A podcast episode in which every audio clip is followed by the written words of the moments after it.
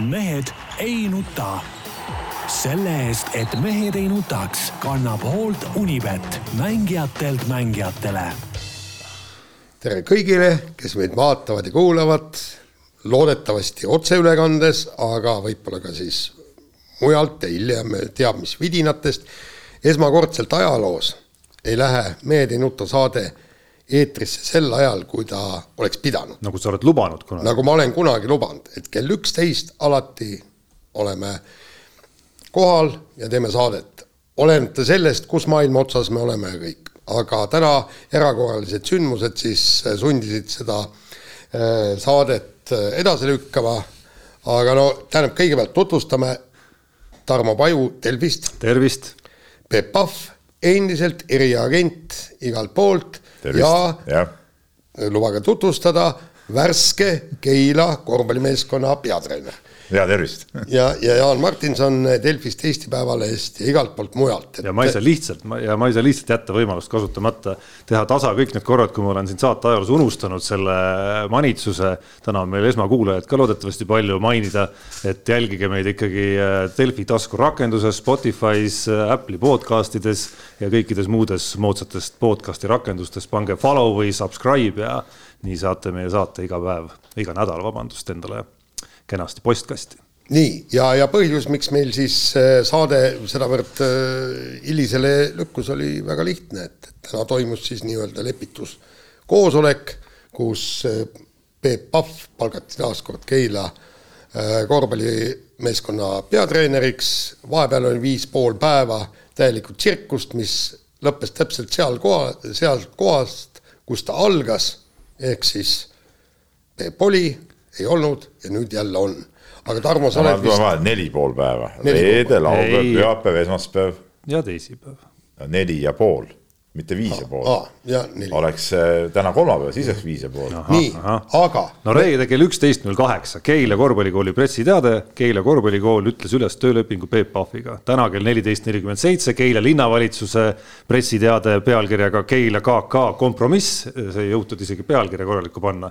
ja siis oli seal sihuke viie-kuuelauseline selgitus, siis see oli see ajaaken. meil oli kahju Eigo Kaljurannast, kes oli kohal juba enne koosolekut ja, ja ta pidi kõik need tunnid seal äh, õues äh, siis ütleme külmetama äh, koos ilus ilm, ei soe ilm. ei, tead, ilm oli ilus jah.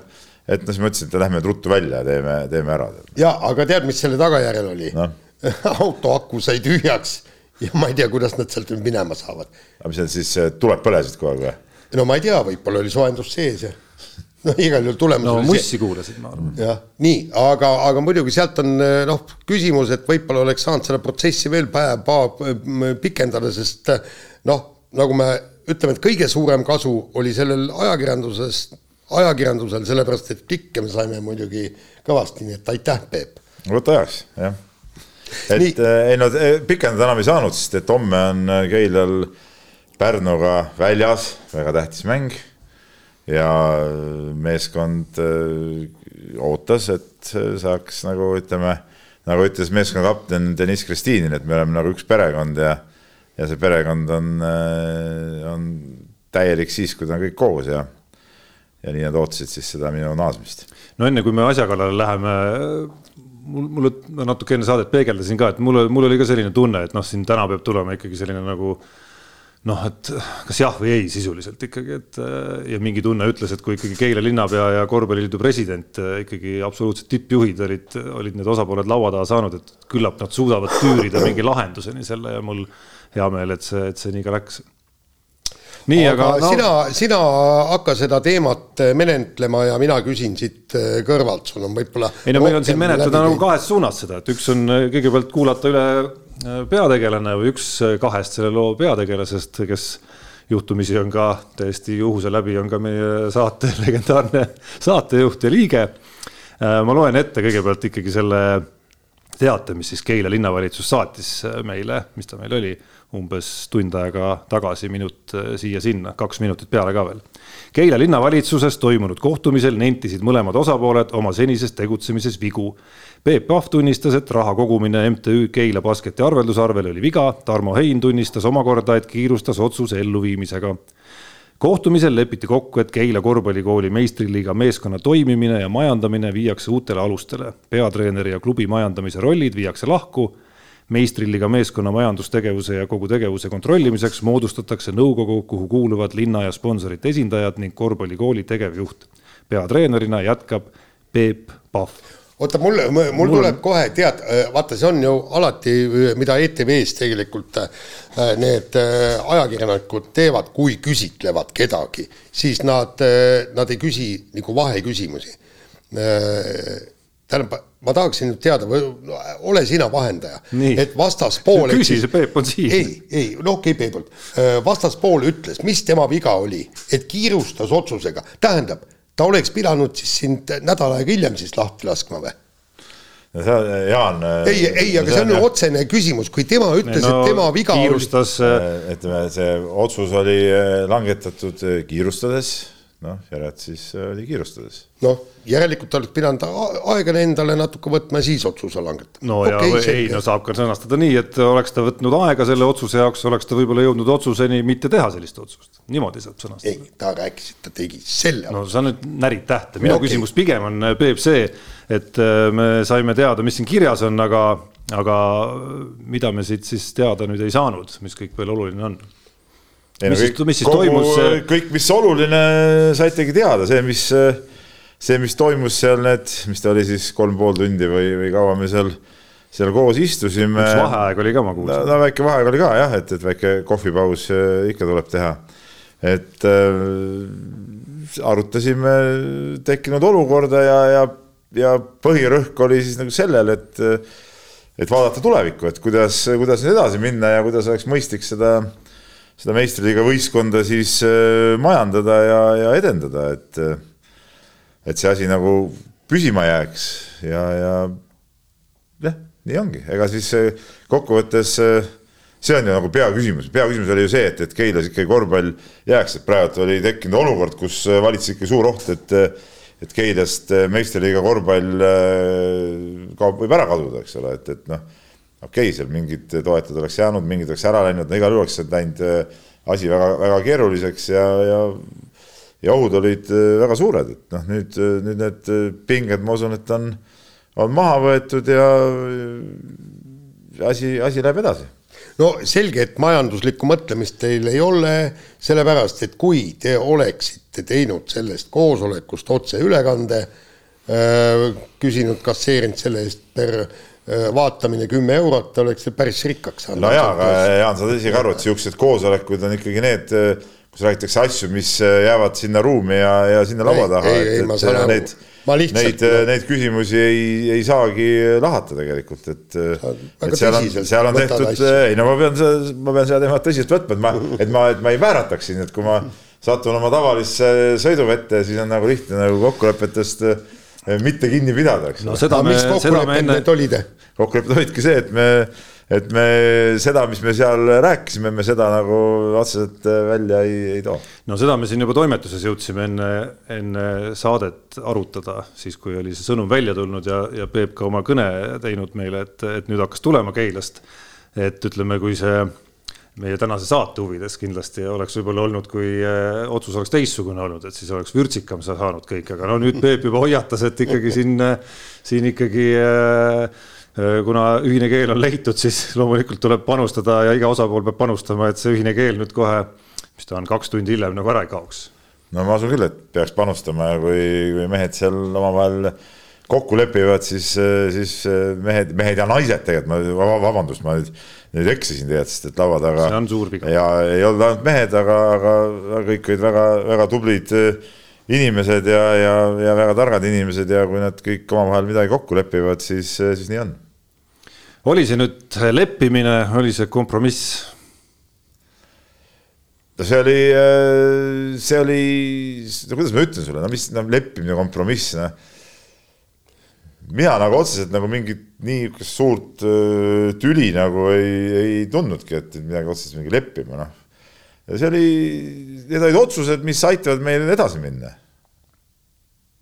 ja ma arvan, need olid äh, okeid otsused ja ma arvan, et meil on väga okeid võimalused edasi minna ja ma olen jumal veendunud, et et võistkond saab, saab väga hästi väga hästi eksisteerida, et seegi see, et me siin tuleviku suhtes, noh, see ei olnud nagu viimane niisugune laiemas ringis kokkusaamine, meil on seal veel arutelu teemasid just sellest, et kuidas, kuidas üle minna, kuidas ütleme, kogu seda organisatsiooni asja nagu suuremaks muuta, et noh, ta oli eelmine aasta, eks ole, seal Keila, Keila basketi all, noh, oli suhteliselt kitsa, kitsas äh, see organisatsioon, eks ole, noh, korvpallikooli all täpselt sama kitsas organisatsioon, et nüüd see järgmine samm ongi see, et, et muuta seda, seda kõike äh, laiemaks ja, ja ja noh, tekivadki nagu siin ka kirjas on, eks ole, see nõukogu ja ja see tagab nagu kõikidele osapooltele ka meelerahu, et kui on, kui sul on klubil nõukogu, mille liige näiteks on, on linnavalitsuse esindaja, noh, kes on ju absoluutselt kõige suurem äh, toetaja selles asjas, et siis et siis on ju loogiline, et, et kõik, kõik peaks olukorraga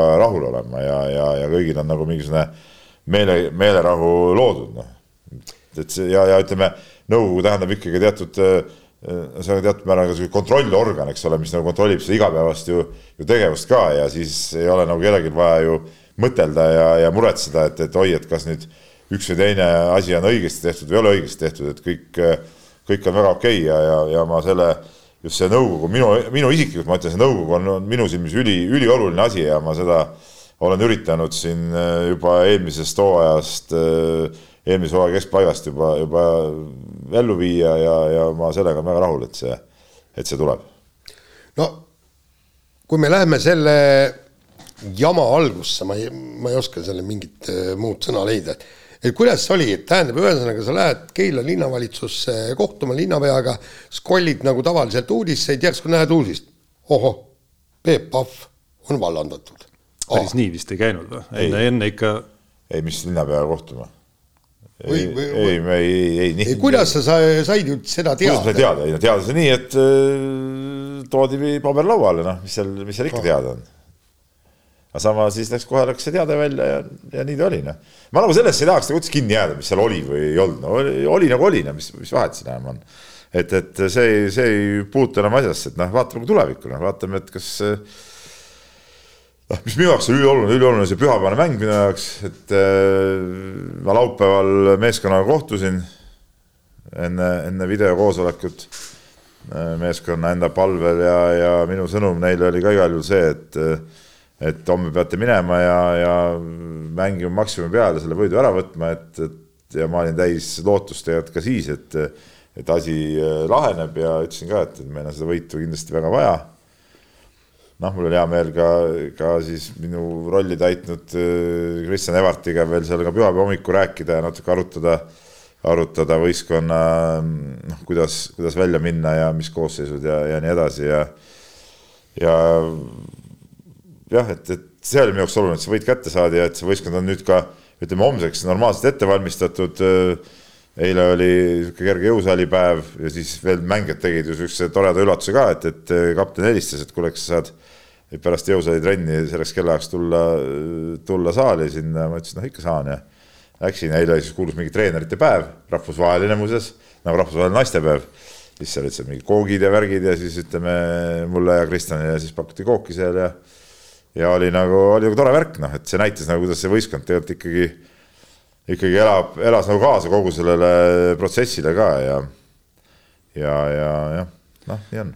No see, see nii-öelda terminoloogia või sisu, et kas see oli nüüd leppimine või kompromiss, see nagu päris tähtsusetu ei ole, et kas, et noh, lõppkokkuvõttes eriti olukorras, kus noh, sa sisuliselt, üks asi on formaalsus, teine asi on nagu sisuline. sa oled siiski rohkem kui tavaline treener Keila korvpalli esindusmeeskonnas, siin ei ole nagu ju mingisugust küsimust, on ju. sellesama faktiga juba, et su roll on päris suur sponsorite hankimisel, noh, ma ei tea ühtegi teist, Kalle Klandorf võib-olla ja vanasti Andres Sõber, aga noh, Heiko Rannula kindlasti Kalev Cramos ei tegele sellega ja, ja Gundar Svetra Tartus ja nii edasi ja nii edasi, on ju. et äh, sellisel juhul eriti, aga ka noh, nii-öelda kui treener on lihtsalt treener, on ikkagi nagu selline igapäevane koostöö ja ikkagi nagu professionaalne läbisaamine ju ikkagi selle koostöö üks kõige olulisemaid aluseid. ilmselgelt see, mis toimus siin viimased viis päeva ja ilmselt ka see, mis on suvel olnud see eellugu ja kevadel vist juba see eellugu algas meeste vahel, kes tegelikult, kui ma vaatan Basket.ee arhiive põnevusega, siis on ju aastaid tegelikult küll kunagi meeskonnakaaslastena Vasalemma korvpallimeeskonnas, siis mingil hetkel üks korvpallikooli edendajana ja teine siis seal treenerina ja, ja ka ühe olulise eestvedajana ja ühel hetkel esindusmeeskonna nii-öelda noh, kõrgustesse Keila mõttes ikkagi nagu tassijana on ju, et see on nagu pikk ajalugu, eks. et see, mis siin on toimunud viie, ütleme poole aasta jooksul ütleme ümmarguselt noh, on ikkagi selgelt ju noh, ma pakun olnud, olnud üks suur keerukus ka nii-öelda isiklike suhete tasandil on ju, millest tuleb nüüd kuidagi edasi minna ikkagi ja nii-öelda mingi elementaarse usalduse ja läbisaamiseni jõuda ikkagi. no jaa, kui mehed annavad kätt äh, koosoleku lõpus ja ütlevad, et, äh, et nüüd lähme edasi, siis mehed on andnud kätt ja ütlevad, et lähevad edasi. Noh. andsite kätt? jah, seda ma ütlengi. Noh. ei, ma mõtlen, oli ka selline füüsiline. oli, oli füüsiline jah oli käe surumine. oli käe surumine jah, et, et, et, et nii on see oli sõbralik käesurumine, sest või on tead. jaa, no kuidas saad nii, kuidas saad nii rumal olla? ei no, ei no miks noh. mis, mis sa mõtlesid, andsime sulle lödid käest? ei, ei vastupidi, surud teist. nagu teed, teed nagu seda nuki.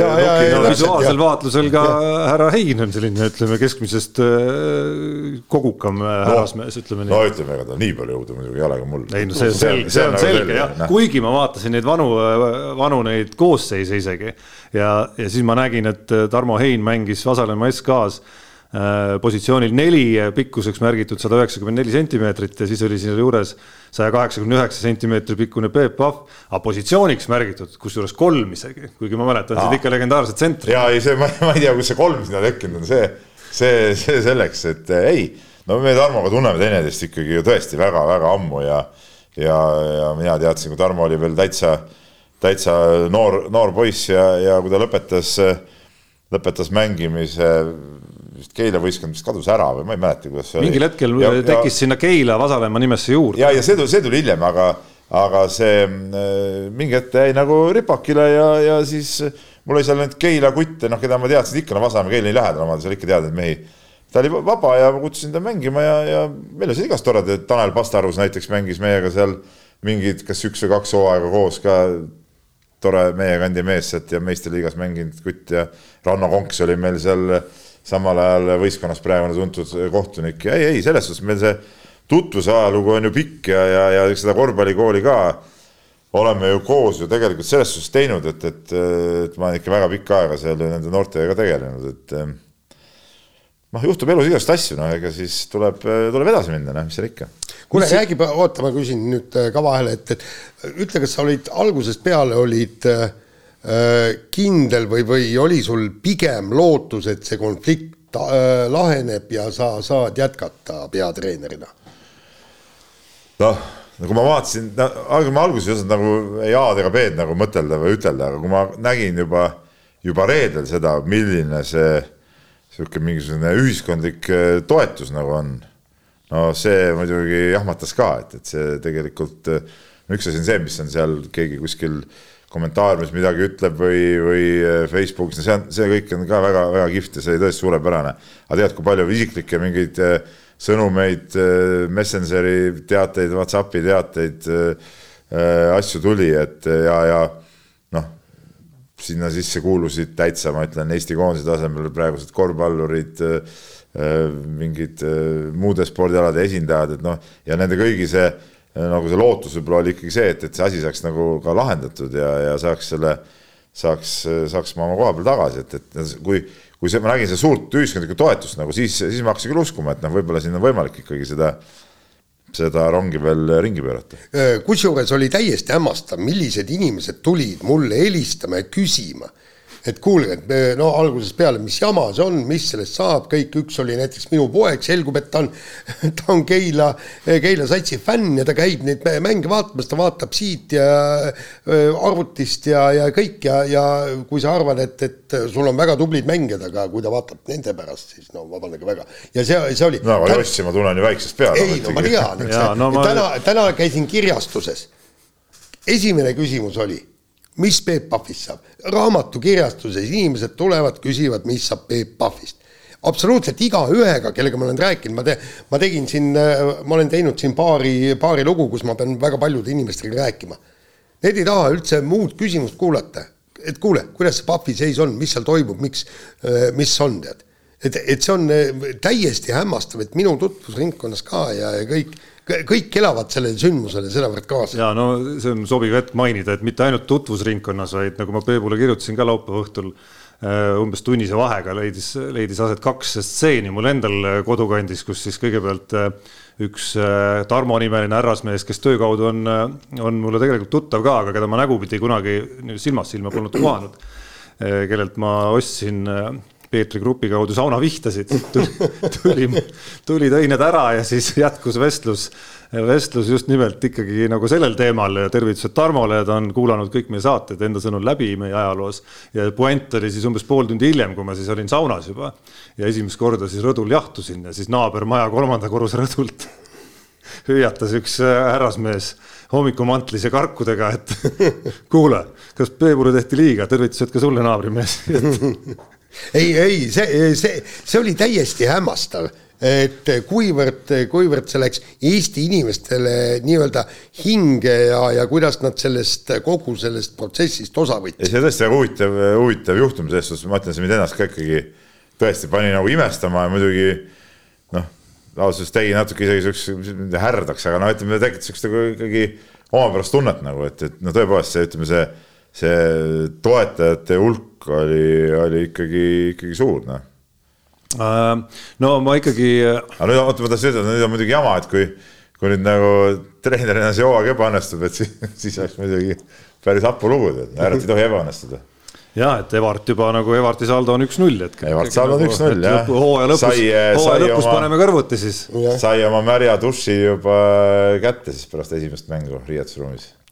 Selle üle mul on alati hea meel, sest et Kristjan on väga mul on hea meel, et ma, et ma tõin ta ja ma leidsin ta nagu siin abitreeneri kohale ja, ja ma arvan, et meil selle lühikese koostööajaga on, on no väga hästi nagu mõtted ja asjad kõik klappinud. no ma kõrvaltvaatajana kindlasti kiidaks nii meeskonda selle nii-öelda oleku eest, mida ma nägin ekraani vahendusel küll Viimsist sellelt esimeselt mängult või kuidagi aimdus seda ka nagu läbi selle noh, läbi nende päevade, ükskõik kus kohas neid nagu näha või tajuda oli, et, et nii-öelda otsus on valminud, et me nagu ei lase või noh, püüame teha parima, et selles keerulises olukorras olla ise väljakul nagu tublid siis eelkõige. Ja tegelikult kiita ka ikkagi üsna noh, selles sellises rambi valguses kogenematut äh, treenerit, mida Kristjan Evart kahtlemata on, on ju, kasvõi nende samade intervjuude ja sõnumite eest, mis ta seal nagu välja, välja käis, olgu siis nende enda isiklike emotsioonide kohta või, või selle kohta, kuidas see meeskond hakkama sai. aga ma ikkagi selle selle loo nii-öelda juure või tuuma juurde roniks ikkagi korra veel nagu tagasi. Et kui nüüd kokku võtta see, et, et jah, me saime siit teatest üht, üht ja teist teada, et mis siis, mis siis valesti läks, et need kaks aastaid koos ühte asja ajanud meest jõudsid sellise teateni, nagu see reedel meile potsatas. Või noh, ütleme sellise otsuseni ja, ja et me sellised neli või viis, kuidas iganes neid päevi arvutada, tuli siis nagu läbi teha. No nagu ma ütlesin juba, et tegelikult me nagu mineviku teemasid ei pidanud avalikult enam lahkama, et ma selles suhtes ma jään, jään selle, selle juurde ja, ja mis valesti läks, no küll me, küll me ise teame, mis seal valesti läks, et teeme sellest omad, omad järeldused.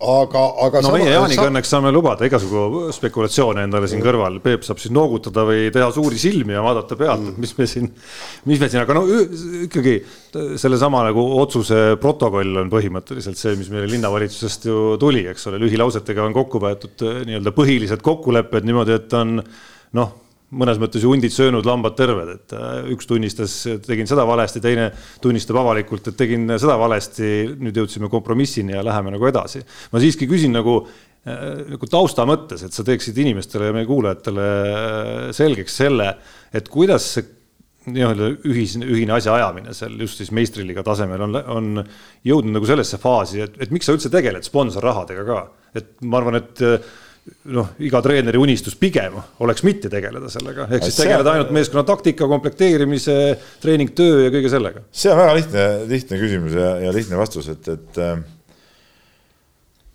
sponsorraha kokkuajamine on väga keeruline, eriti noh, ütleme sel aastal see oli sama keeruline kui eelmine aasta, no üldiselt on alati keeruline, see ei ole nagu, see ei ole nii, et äh, noh Ants Kask näiteks äh, saadab kuskile emaili mõnda suurettevõttesse ja, ja, ja küsib raha ja, ja seda raha antakse, et väga palju, põhineb ikkagi isiklikel suhetel ja, ja, ja mingid kontaktidel, noh. no paratamatult, esiteks ma olen elus juba päris kaua elanud, päris palju inimestega suhelnud, mul on paratamatult ikkagi tekkinud mingisugust kontakte teatud ka ütleme, ettevõtjate hulgas ja, ja inimeste hulgas. ja kindlasti on äh, mul lihtsam äh, seda raha leida, kui, kui ükspuha kellel teisel sealt Keila, Keila võistkonna juurest ja, ja mulle tundus, et kui me eelmine aasta meistriliigasse jõudsime, siis ma nägin seda nagu ainsa lahendusena, et ma pean ise selle eelarve kokku ajama. et siis saab see kindlasti tehtud et kui oleks pidanud äh, nii-öelda korvpallikooli juht seda ise tegema, siis ma olen jumala kindel, et see see korvpallikooli osa nii palju kannatab selle all ja, ja, ja noh, ma arvan, et me ei oleks seda piisavat summat kokku saanud, kui ma poleks seda ise ka teinud, et noh, kokkuvõttes pidime seda koos tegema, noh, tegime ka koos, korvpallikool andis eelmine aasta ka oma panuse sellesse. noh, see oli natuke väiksem kui sel hooajal muidugi, aga, aga oli panus olemas ja, ja noh, tegimegi selles suhtes nagu koos.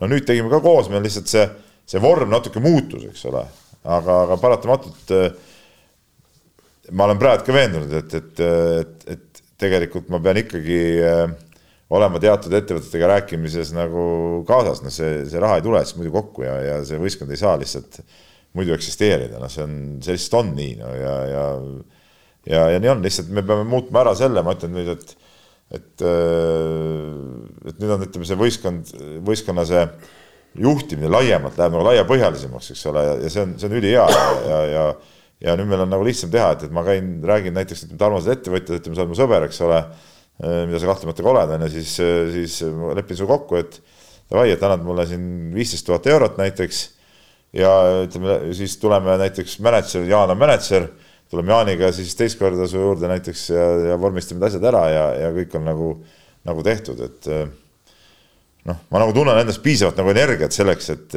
et päeval ütleme, trennide vahel ka sellega, sellega tegeleda ja, ja kui ma näen, kuniks ma näen, et see on nagu hädavajalik, siis ma olen nõus seda tegema, aga see mingi unistuste töö või sihuke asi ei ole, et nüüd no see... oi-oi, ma nüüd tahaks minna no tegelikult on alati lähedal. no see kõlab üsna ebameeldiva tööna tegelikult. pool häbinägu ees, eks ole, eriti kui tuttav inimene on veel ka, et, et ei taha kellegagi suhteid ära ka rikkuda, eks ole, sa mõtled, et, et kui ma nüüd tema käest raha küsin, et, et kas, kas, kas see kuidagi meie omavahelisi suhteid näiteks äh, rikub või segab ja, ja, ja ma pean tunnistama ausalt, et eelmise aasta järel on mõned inimesed, kellega ma varem no ütleme, kes varem võtsid mu kõnesid vastu, aga kui, kui ma hakkasin nagu raha küsima, siis, siis paraku on, on tõesti mõned inimesed olnud, kellega on see kontakt ära kadunud, noh, et, et sellega peab nagu arvestama. see ei ole nagu niisugune mõnus ja lihtne tegevus, et, et aga noh, see on hädavajalik. noh no, te, teine kõrvalt vaadates ja öeldes on ju see, et, et see sponsorite leidmine äh, tugevdab ka mingil määral nii sinu positsiooni kui ka võistkonda, võistkonna tugevust, et, äh, et vaata, ma, äh, see sõltub minust, kui, kui palju ma seda raha leian, mida rohkem ma seda raha leian, seda paremini ma saan seda meeskonda ette valmistada, seda paremaid mänge, mängijaid ma sinna saan, eks. et see, see on nagu, nagu otsene, et ma kujutan ette, Peep, et ega see oleks sulle ka väga keeruline, kui sulle pannakse ette mängijad, palun, järgmise aasta koosseis on siin ja nüüd ei, ei kindlasti, kindlasti ma olen seda tüüpi treener, kes tahab ise komplekteerida ja, ja ja teha oma valikud ja, ja selles suhtes, kui ma olen ka seda raha sinna võistkonna toonud, et siis mul on nagu seda lihtsam teha, ma tean, mis, mis võimalused on ja mul on ka nagu niisugune moraalne õigus võib-olla seda, seda asja ise teha ja ma arvan, et ma arvan, ma olen, olen suht okei okay võistkonna see aasta kokku komplekteerinud, isegi selle ühe mängu põhjal ma ja kontrollmängude põhjal ma usun, et, et see, see asi tuleb mul suht normaalselt välja. no ütleme, kui me selle konkreetse, jutt käis ju ikkagi väga palju sellest lõppkokkuvõttes nagu tüli olemus ja nagu ka see teade kajastab, on ju, on ju ikkagi selle üle, et kuidas see siis nagu, kuidas need protseduurid käima peaksid päriselt ja kuidas see peab olema juhitud ja kuidas rahad täpselt liiguvad, mis kehaga sõlmitakse lepinguid sponsoritega ja nii edasi nii edasi, on ju. et noh, minu arusaamine selles, olen seda tüli siis üritanud enda jaoks nagu lahti mõtestada, on see, et kui inimesed saavad omavahel läbi, on äh, hästi, lepivad kokku omavahel asjades, äh, usaldavad teineteist, noh siis põhimõtteliselt on võimalik nagu teha mõlemat pidi, nii sedapidi nagu soovis Tarmo Hein ja sedapidi nagu, nagu soovis Peep, eks ole, et äh, ühest küljest on siis see variant, et noh, antud juhul treener Peep otsib sponsori, ma ei tea, firma X, Tarmo sõber on Tarmo, tal on raha näiteks on ju, firmat mul küll hetkel kahjuks pean tunnistama, ei ole, ei ole nii ettevõtlik inimene. ei ole ühtegi OÜ-d jah täitsa jama lugu, mis mees ma, mis mees sa siis oled? no mis mees sa siis oled, jah ja,. okei okay,, lepib kokku eh, ette, ettevõtja Tarmoga summas viisteist tuhat eurot on ju, ja siis järgmisel hetkel äh, üt, ütleb siis, ma ei tea, korvpallikooli juht Tarmo Heinale või kes iganes, mänedžer Sibulale näiteks seal on ju, nii, võta nüüd selle ettevõtja Tarmo Pajuga ühendust, sõlmige leping ära Äh, kokku on lepitud need, need summad ja need, need, ma ei tea, mingid pinnad kuskil särgi peal, eks ole. ja siis on variant B, mis siis on selline, et Peep otsib sponsori, seal vahel on see nii-öelda Peebu MTÜ. Äh, omavahel on kokku lepitud loomulikult täpselt, mis summade eest me üldse mingeid asju siis nagu müüme ja teeme, eks ole, et mis logo siis ettevõtja Tarmo näiteks, mis summa eest üldse saab endale ja nii edasi. ja siis, äh, ja siis tehakse nagu, jõutakse nagu sedapidi, see, liigub nagu sealtkaudu. noh, ma ütleks, et mõlemal juhul on kui juba on selline fakt, et treener Peep äh, hoolitseb, ma ei tea, mis see osakaal eelarvest kokkuvõttes siis umbes oli, sellest on ka erinevaid versioone siin avalikkuses. siin ongi erinevaid versioone, seda ongi nagu raske no,. suurusjärgu mõttes, eks kuskil raske, on mingi hämar ala ka natuke. raske hinnata, aga see on äh, kindlasti kuuekohaline number, jah. no vot, et ehk siis kolmandik vähemalt, eks ole, sellest klubi eelarvest või esindusmeeskonna eelarvest, oleme korrektsed. et noh, siis ükskõik kumba pidi sa lahendad selle, on nagu noh mõlemal juhul ei saa võtta Peepu kui ütleme, samas staatuses isikut selles klubis ja esindusmeeskonnas, kui on, ma ei tea, Heiko Rannula või noh, lihtsalt treener, kes on palgatud meeskonda juhendama, komplekteerima, igal juhul on see nagu üsna väga nagu eriline staatus, eks ole.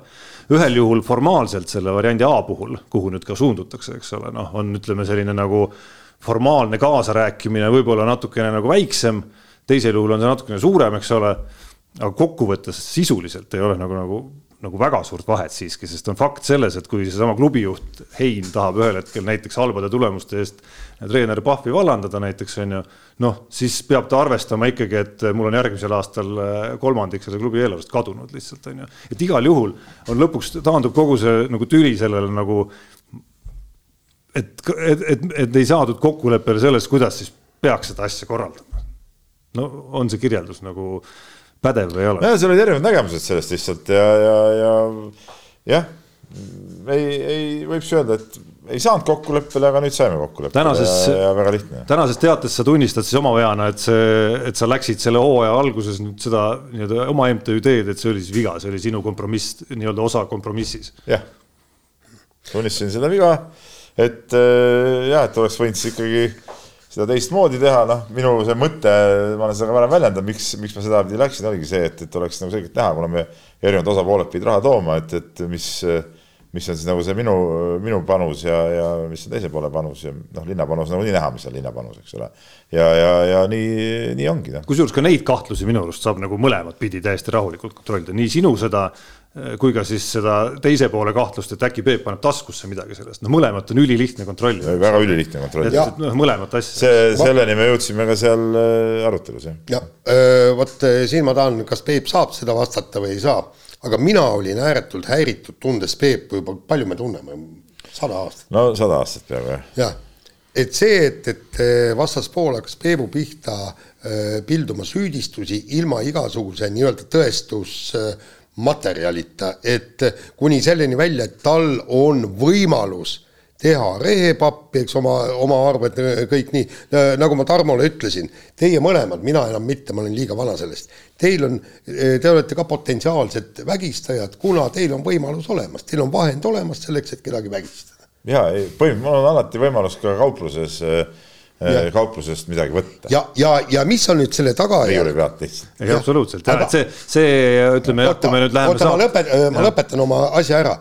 ja mis mind kõige enam ärv- äh,, häiris, oli ju see, et kui äh, lõpuks läks ju kommentaariumites välja, kui inimesed hakkasid rääkima, ahaa, suli, pätt, keegi ütles, et nojah seda oligi oodata, eks, eile oli ETV-s oli vaata üks mammi ütles, no kus suitsu seal tuld et, et ausalt öeldes minul oli äh, tähendab, ma ütlen, ma, äh, ma olin puudutatud äh, isiklikult sellest ja mind see väga sügavalt häiris. eriti veel, kui Peep vastab sellele, palun, kõik on võimalik kontrollida, mul on palun konto välja võtta, võtke, vaadake. ei no selles mõttes see kontroll on ju maailma lihtsam asi, kui seesama ettevõtja Tarmo Paju on näiteks kandnud, oletame siis skeem B MTÜ-le Keila Basket viisteist tuhat, eks ole, noh siis on suhteliselt lihtne Keila korvpallikooli kontrollida, et nii-öelda äh, kas ja, ja Peep kannab edasi näiteks kaksteist on ju, siis on väga lihtne kontrollida, ütleme üks kõne, minu huvi kui selle raha andja on ka see, et, see viisteist tuhat jõuaks ju nagu õigesse kohta on ju, no see, see ei ole nagu keeruline, eks ole, et see, see oli äh, absoluutselt, kui me nüüd Peebu peame vist lahti haakima sellest teemast ja saame ise Jaaniga vabalt rääkida, oli nagu selgelt kõige häirivam asi selles loos, et alates sellest esimesest pressiteatest noh, kus oli selline usalduse kaotus väljend, eks ole, siis on seal olnud see väljend mingites Äh, mingites selgitustes nagu kasusaaja, eks ole, mis on jah, juriidiline väljend. Äh, selline, kuidas kirjeldatakse siis nagu MTÜ omanikke põhimõtteliselt on ju, kuigi, kuigi seal kasu on sellises äh, valdkonnas noh, nagu hästi totter väljend. mitte tulunduslik ühing. no ei no okei okay, teo,, teoreetiliselt on võimalik maksta MTÜ-s vist palka endale. ei palka muidugi võimalik maksta. just, just võimalik tekitada, aga noh, antud kontekstis spordi rahastamisel. just on ju, on nagu rääkida kasust nagu noh, kohatu, see on ka selline nagu mulje natukene, ahah, et okei okei okay ei, aga kasu, eks ole. Oli... kasu, MTÜ ei tohi kasumit teenida, et kogu Just. kõik, kõik nii-öelda tulud tuleb, tuleb rakendada siis MTÜ tegevuse Just. arendamiseks või MTÜ tegevuseks. ja mulle jääb meelde ka äh, see oli just Facebooki grupis vist äh, üks siis nii-öelda korvpallikooli ütleme siis poolt tulnud sponsori esindaja, kes ka ütleme sellise üsna selge vihje ikkagi välja käis seal, et et umbes, et aa, kui minu ettevõttes keegi paneb raha tuuri, et siis äh, ma lasen ta kohe lahti, eks ole, noh ja siis, kui küsiti, et kuidas see haakub nüüd antud juhul siis nagu Peebuga, noh siis sealt oli nagu vaikus on ju, et noh. noh, see, see on see, miks ma arvan, oli päris keeruline ja on ka päris keeruline nagu seda nüüd taastada siis seda noh ma ei tea, tööõhkkonda, sõprust, suruda käsi ja kuidagi siis nagu järgida ka, aga ma loodan väga, et, et te saate hakkama, sest see ei ole ju ainult esindusmeeskonna teema, aga lõpuks on ju Keila korvpallikool tähendab ka mingit sadu lapsi, eks ole noh, kuidagi see on ju lõpuks no,, no, lõpuks on see üks öko. Keila korvpall on ikka üks, üks süsteem. just, täpselt, et. aga ma ütlesin, käed said surutud ja, ja lähme praegu sellega, sellega edasi, nagu on. et vähemalt äh, eelolev või alanud hooaeg siis saab tehtud või kui pikki plaane me julgeme siis? ei no eks me ikkagi noh, nagu ka Priit Sarapuu seal rääkis, et noh, tegelikult ikkagi võiks ju panna siin nagu mingeid pikemaid plaane ja, ja ütleme, seda struktuuri veel no, mingi arengukavad ja asjad teha ja veel arendada ja ehitada, et noh, see on, need on kõik head, head mõtted, mis seal ütleme, sellest koosolekust kindlasti oli ka, ka ütleme, siukse nagu, nagu ideede genereerimise mõttes oli, oli kindlasti palju kasu. Noh. no ma arvan, et oleme vist küll lahanud seda teemat nüüd no eks tahaks muidugi rohkem, aga no eks me noh. no jaa ja., ma kujutan ette, et neid küsimusi on ju veel, eks ole, et no, mingid, ma ei tea, kas sa jõudsid kellelegi raha ka tagasi kanda juba? ei, ma andsin kõigile teada, et siin. Äh, ootame ära, mis saab. ja ja ma olen, olen nende toetajatega ühendust võtnud, et, et et enne, enne ei ole mõtet äh, rabistada, kui, kui on asjad, asjad klaarid. noh, väga praktiline küsimus, kas peatoetaja, kes jõudis ka juba teatada, et, et ta loobub, on nüüd tagasi, eks ole, kuigi ta peaks väga rahul olema, sest plaan oli oli ju ka mingit dokfilmi vändata, et noh, see ilmselgelt saab silmapaare nüüd kõvasti rohkem kui seda, kui see ikkagi nagu ette võtta. et, et oleks suhteliselt narr loobuda. kui me selle saate siit lõpetame, siis ma, mul, ma ei jõudnud veel helistada, aga ma arvan, mu esimene kõne läheb, läheb sinna suunda. Nonii räägime muudest teemadest ka, ma vaatan, et sind nagu no see väga ei huvitagi need muud teemad, tegelikult räägiks Peebuga ikka veel ah,. üks küsimus oli veel, eks. no me siin oma, tähendab selles ringis, kes sind tunnevad ja kes on sinu kõrval olnud kõik need aastad, kui sa äh, Äh, kui sa oma korvpallimeeskonda oled teinud noortest peale ja kõik nii ja siis me meenutasime seda, et, et kui palju Peep on oma pappi sinna meeskonna alla pannud ja siis mina meenutasin seda kuradi totrat rohelist bussi, millega ta kärutas selle asemel, et normaalse autoga ringi sõita, aga isiklik, see oli isiklik kusjuures. mul oli pärast ka see beež buss, Ford, mis ja. kogu aeg ära lagunes, see oli küll suhteliselt uus, aga siit väike, väike soovitus, ärge seda Fordi Eh, Fordi väikest bussi keegi ostke, et see on täielik. ja, et noh, seda no, meenutades kõike on see väljend kasusaaja, noh, selline ja, nagu hästi-hästi nõme, nõme siis, tegelikult. just, aga, aga just me meenutasime, et huvitav, et, et, et kas ühel hetkel siis selle nii-öelda kor, Keila korvpallikooli äh, südametunnistus tärkab ja ta maksab takas või takka järgi ja olgu siis ilma intressideta, Peebule tagasi selle raha, mis sa oled ise sinna korvpallisetsi pannud. noh, seda on nagu seda, seda raha on keeruline kokku võtta ja ja ma loodan, et siin äh, proua ei kuule saadet, et ei olegi vaja seda kokku võtta. mis kõik kodus on okei, nüüd ma kahtlustan, et kahtlustan, et siin varsti, siin on saate ajal ka tulnud mõningad tähelepanu juhtimised juba, et siin võib-olla proua Pahv varsti. no ta, ta üldjuhul ta ei ole saatekuulaja, talle ei meeldi see, talle ei meeldi, kui ma siin äh, rapin ja ta ei kuula seda kunagi, nii et äh,. aga noh, ma loodan, et ei ole piisavalt häid inimesi, kes seda edasi kannavad no nii, kuidas me teeme siis? Audentese spordiklubist räägime ka. no räägime ka ikka, ikka no.. aga nüüd ma olen küll kõva siin lahka. no nüüd sa oled, nüüd on Peep on saanud tagasi hoida ennast nagu tükk aega, eks ole, et äh, soovime Keila meestele edu ja homme siis Pärnus äh, suur mäng.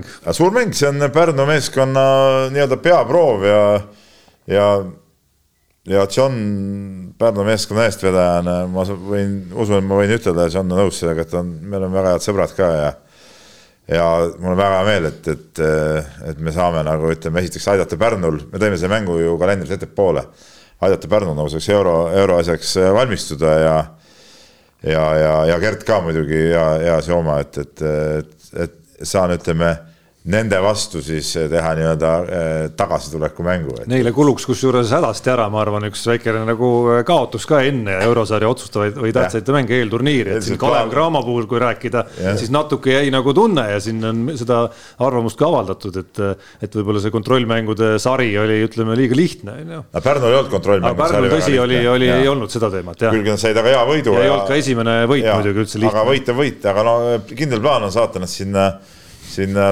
koduturniirile nagu eh, kaotuse lainel, et nad siis saaksid nagu ka Pärnu publiku silmis siis eh, tõusta nii-öelda tuhast ja, ja, ja noh, nii on nii, no Gert äh, sai siit väikese nagu riietusruumi plakati lause igatahes no, kätte siit, las, las olla, las olla pärnakatel. ikka, ma ütlen, et kuna. Peep on täna heas tujus ikkagi. tegemist on heade soomadega, siis, siis, siis ma võin neile selle plakati lause ka anda kusjuures ma mõtlesin just, just täna tuli suurepärane idee, täna õhtul ikkagi ma tean, mis veini ma täna lahti teen. ma arvan, ma teen ka mingi veini. võib-olla, ei, ma ei tea, ma ei tee vist veini, ma arvan, ma teen, teen mingi muu asja. ja, ja see vein, mille Peep mulle sünnipäevaks viimati tõi, ma täna siis avan te... selle lõpuks, saadan pildi ka sulle ilusti okay.. tee lahti alkoholivaba õlu. ja no jumal see, mis sa said sealt rattaralli. ja täpselt noh ei, ei, selle ma jõin ju ära ja. jõid ära ka või? ei, ma rääkisin ju ah., et poole peal ma vaatasin, mis asi see on ja siis ma lõpuks viskasin ära. aa, et sa ei saanud enne poole purgi ära joomist, sa ei saanud aru isegi, et tegemist kuule, oli. kui sa tõmbad, see pulss on punases ja, ja. pildi peal seda... sul ei olnud punases midagi enam. Noh, pildi peal. selleks ajaks sinu taastumise juures oleks pidanud pulss viiekümne taga peal tagasi olema. Äh, meediaga manipulaator, et kui pildistatakse, siis ma oskan head nägu teha, noh. sa hoidsid hinge kinni selle ajal. jah jah, aga kuule, meil on toimetus. kuule, aga meil on ju toimetusest neli Saku Rocki või selle ei, Rocki no, nullõlut.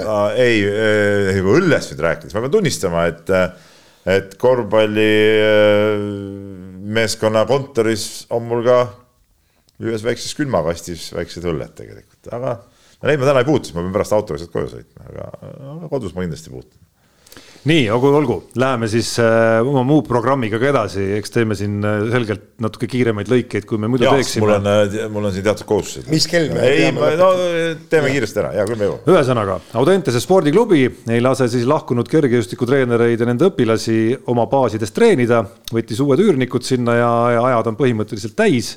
Kelle pool siis tõde, kelle pool õigus, Jaan on seda teemat lahanud noh, kahe nurga alt tegelikult, et üks on siis see nii-öelda Audentesest äh, lahku löönud treenerid ja nende uued grupid ja, ja siis on ka see pool, millega siis Audentes on asendanud ja, ja, ja nende treenerite nii-öelda tegemised seal.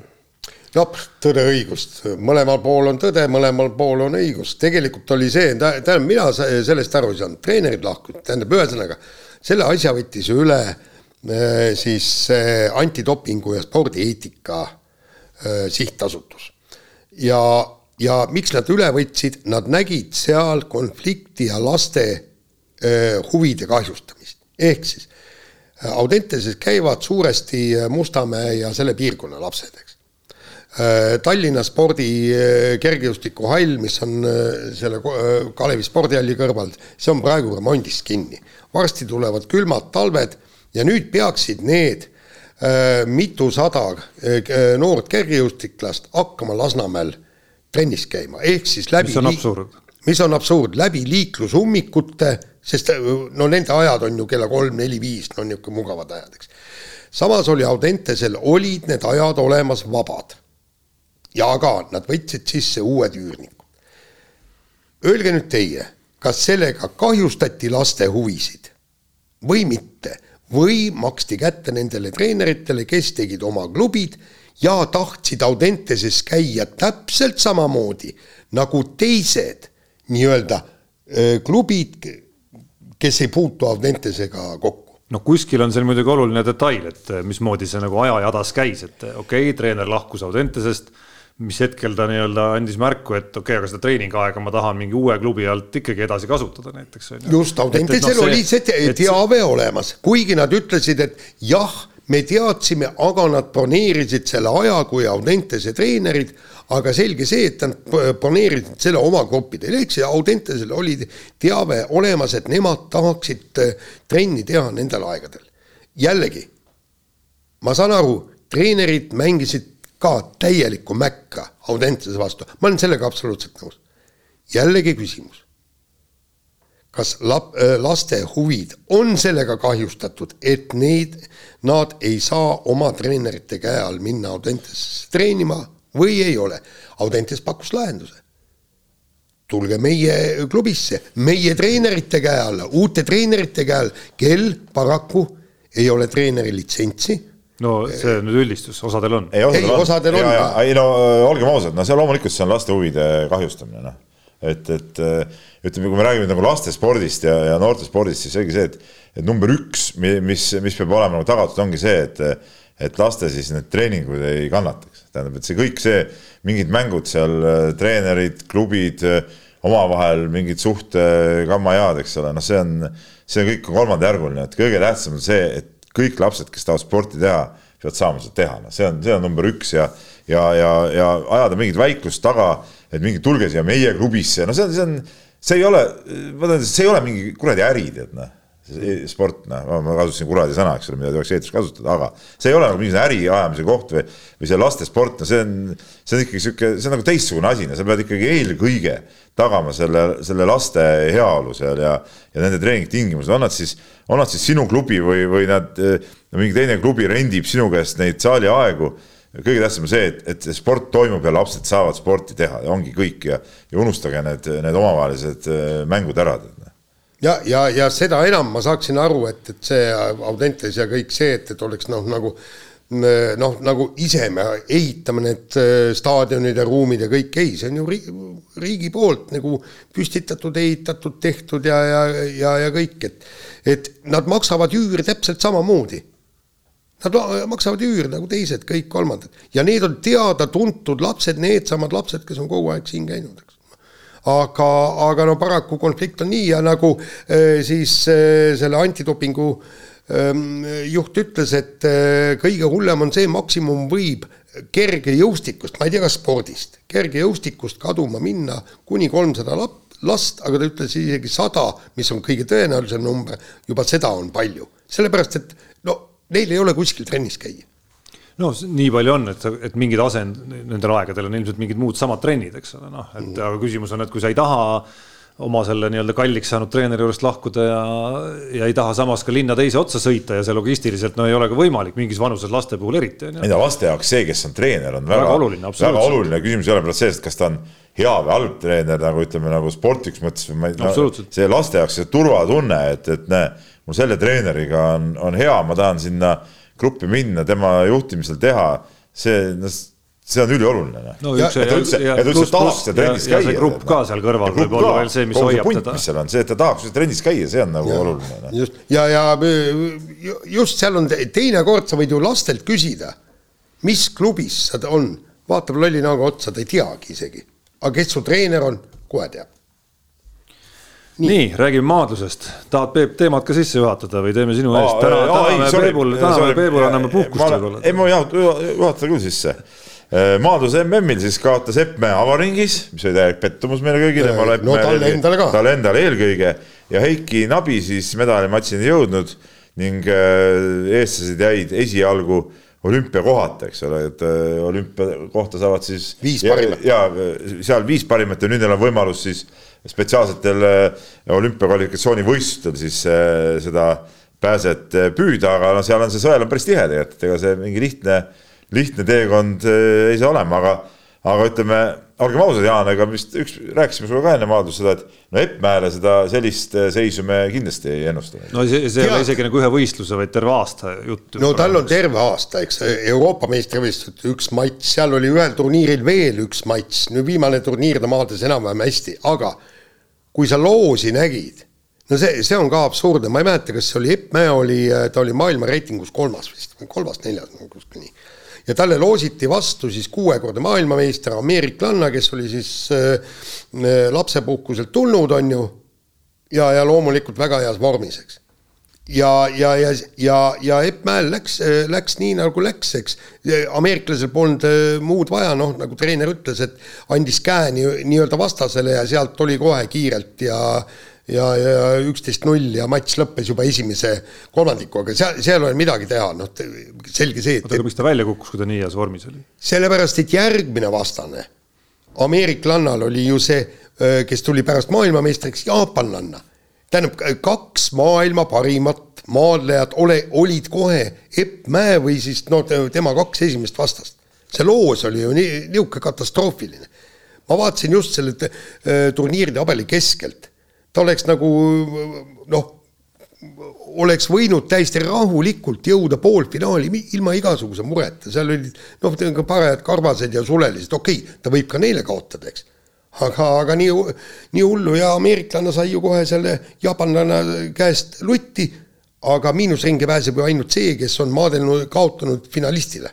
ja oligi kõik, kõik läinud. aga noh, reaalsus siiski, Jaan, sa oskad nüüd kommenteerida spetsialistina, et noh, on ka see, et öö, äh, oma parematel aegadel null üksteist ei, ei tuleks võib-olla kõne alla ikkagi ei, ka sellesama ameeriklasega. ei, ei, ma ütlesin, et Mäe maadles kehvalt, tegi vea ja kõik, aga kuna vastas oli nii tugev maadleja, ta kasutas selle vea ära üksteist null.